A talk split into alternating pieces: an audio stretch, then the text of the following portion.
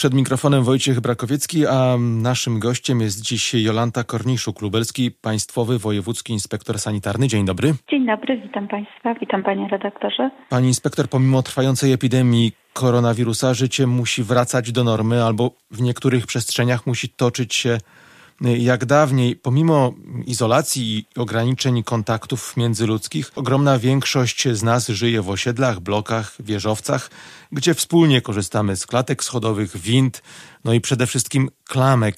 Są wytyczne głównego inspektora sanitarnego. Jaka tu jest rola zarządców, y, czy to mm, przedstawicieli spółdzielni, czy wspólnot mieszkaniowych?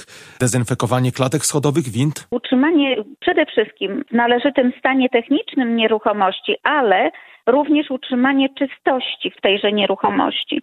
Stan techniczny jest dość istotny, bo jak powierzchnie są gładkie, łatwo zmywalne, łatwo je zdezynfekować, łatwo utrzymać w czystości. A w przypadku właśnie sytuacji, w jakiej się znajdujemy, czyli epidemii, zachowanie wszelkich warunków czystości jest bardzo istotne. A więc po pierwsze, wietrzenie tych klatek tam, gdzie jest to możliwe. Po drugie, utrzymanie czystości, zastosowanie preparatów, jakimi są detergenty, a też i okresowe procesy dezynfekcji. Najlepiej z zastosowaniem środka wirusobójczego. W tym specjalizują się firmy, które wykonują takie procesy dezynfekcji, ale również utrzymanie czystości chociażby powierzchni wszystkich dotykowych, a więc klamek, przycisków w windach, to są ważne kwestie, które leżą po stronie na pewno zarządcy nieruchomości. Rozumiem, że no, zarządca tak. powinien wykonywać te czynności dezynfekcyjne. Tak. A co w takiej sytuacji, kiedy no, pojawi się problem, usterka techniczna, no i w tych warunkach, w jakich żyjemy, będzie konieczność przeprowadzania jakichś prac naprawczych? Jeżeli ta usterka wymaga natychmiastowego usunięcia, to rzeczywiście taka konieczność istnieje, bo chociażby jakaś usterka hydrauliczna czy w instalacji elektrycznej może wymagać natychmiastowego usunięcia, bo jeżeli możemy ją odłożyć w czasie, to odkładamy. Natomiast w przypadku, kiedy nie możemy, to wówczas istnieje potrzeba,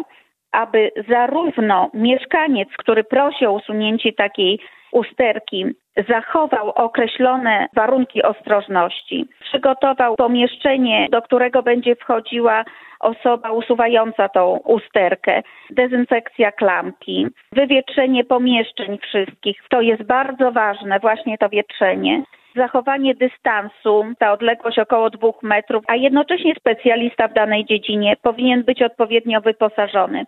Zarówno lokator, jak i osoba przychodząca powinny mieć założone maseczki. Osoba, która przychodzi do nas, powinna być wyposażona w rękawiczki, jednorazowego użycia. Powinna też posiadać przy sobie preparat y, dezynfekcyjny. Jeszcze mogą być dodatkowe, na przykład wyposażenie w przyłbicę, ale każdy przypadek indywidualnie powinien być rozpatrywany. Wspomniała Pani inspektor o, o, maskach. To jeszcze słowo o tym na koniec e, naszej rozmowy, bo coraz częściej widzimy na ulicach osoby, które tych masek nie mają. Obostrzenia są faktycznie zmniejszone ze względu na aktualną sytuację epidemiologiczną, ale nie zwalniają nas z zachowania wymogów ostrożności. Jeżeli my nakładamy maskę, to chronimy przede wszystkim osoby inne, emisję drobnoustroju z naszego organizmu. To jest ta podstawowa rola ochronna, dlatego gorący apel do Państwa, dbajmy o bezpieczeństwo innych,